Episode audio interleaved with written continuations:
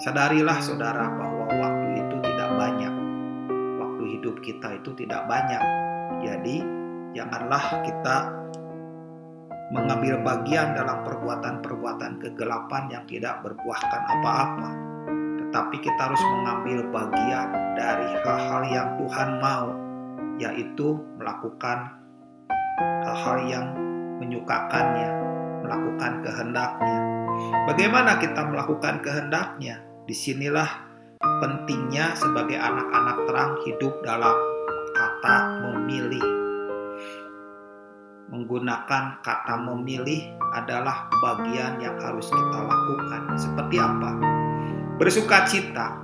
Bersuka cita itu pilihan. Tidak bersuka cita juga itu pilihan. Bersyukur. Bersyukur itu adalah pilihan.